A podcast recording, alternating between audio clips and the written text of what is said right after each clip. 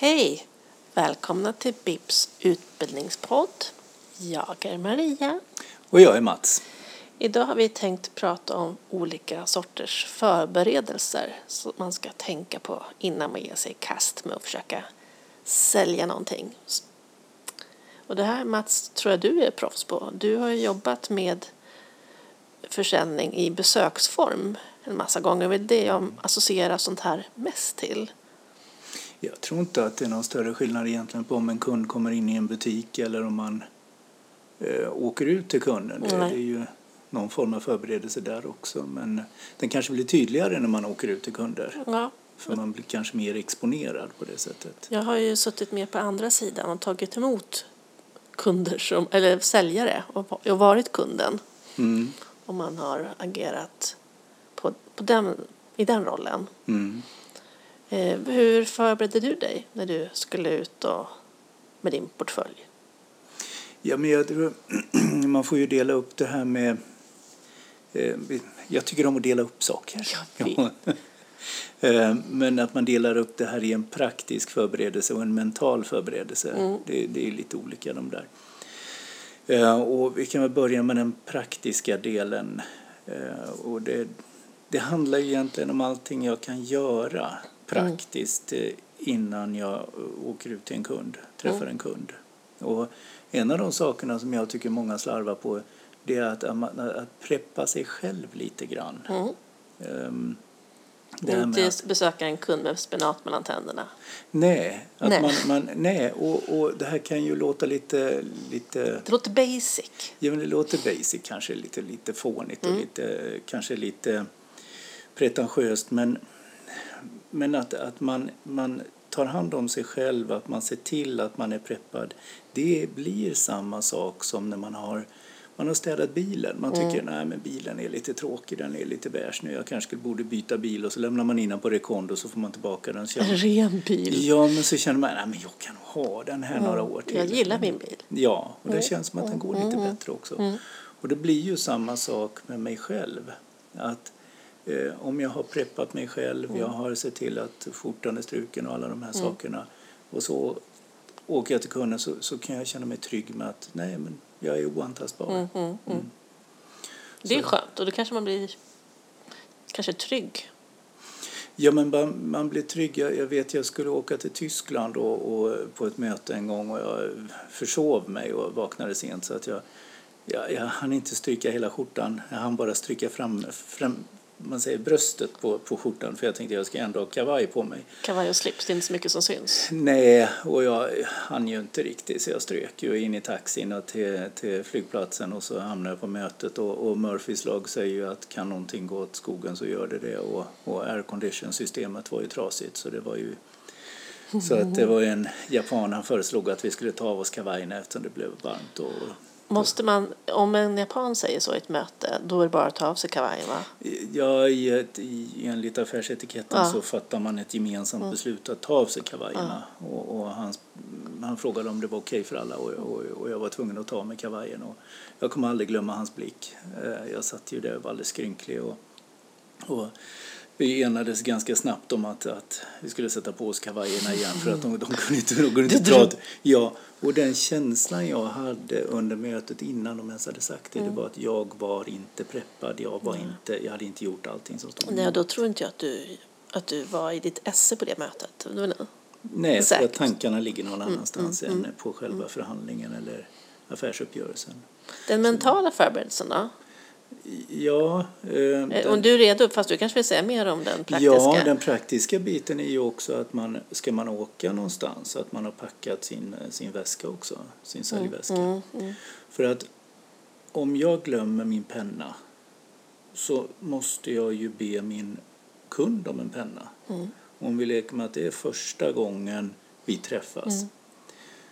Mm. Om jag inte ens kan komma ihåg att ta med en penna, hur ska den här kunden våga köpa någonting av mig? Det kommer en viss tveksamhet. mm, mm. Va? Så att det är därför det är viktigt att man har med sig allting man har packat. Och jag tycker säljare ska alltid tömma sin väska. Mm. Varje fredag, packa den varje måndag, se till att allting finns med. Mm. Då har man koll på Mm, läget. Mm. Så att, eh, och, men sen gång 20 man har träffat varandra, Ja, då- då är det ingen fara. Tycker Nej. kunden till och med det är roligt om man gör bort sig lite grann. Mm. Ja. Nej, men den mentala förberedelsen. Mm. Yes. Eh, och, och den handlar ju mer om min attityd till, till situationen. Jag tycker att det är på tok för många människor jag träffar i affärssituationer som inte har en aning om vad de gör där överhuvudtaget. Nähä? Du... Ja, men människor som sätter sig på stolen, de kommer in, de kommer lite för sent, de sätter sig på stolen, andfådda och så säger de hopp. Hur många är det som jobbar idag? Vill ha bullar? Ja, de här som kommer ut med bullar. Men, men det här med ordet hopp, eh, är, är, det är liksom ett litet rött skynke för mig. För hopp betyder...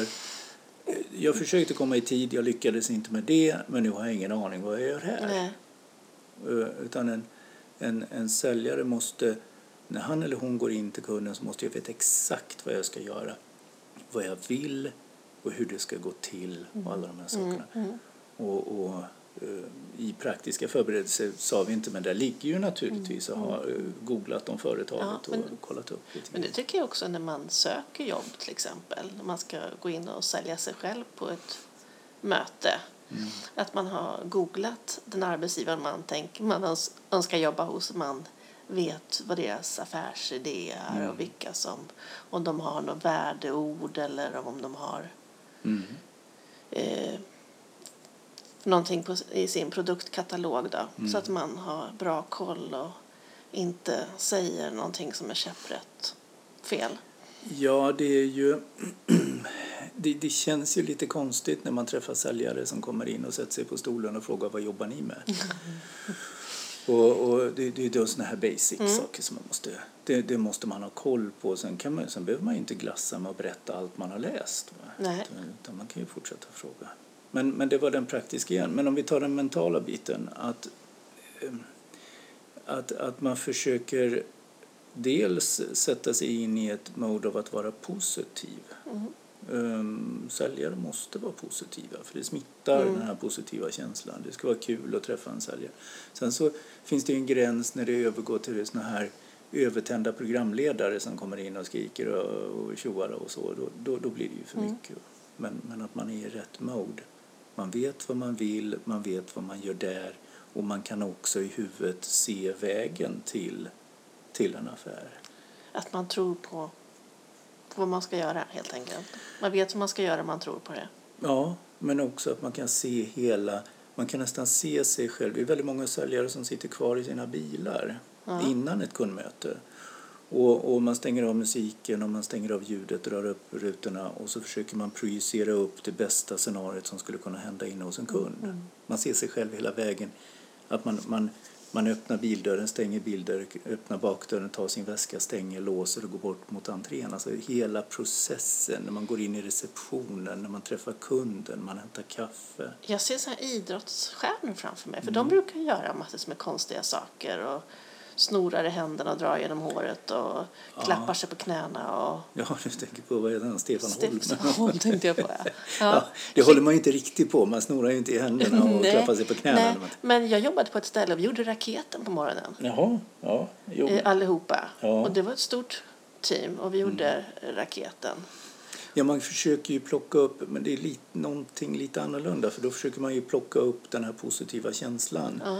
Men i det här fallet så försöker man se ett scenario, alltså hela det bästa scenariot som skulle kunna hända. In a perfect world. Ja, och när man har sett det Mm.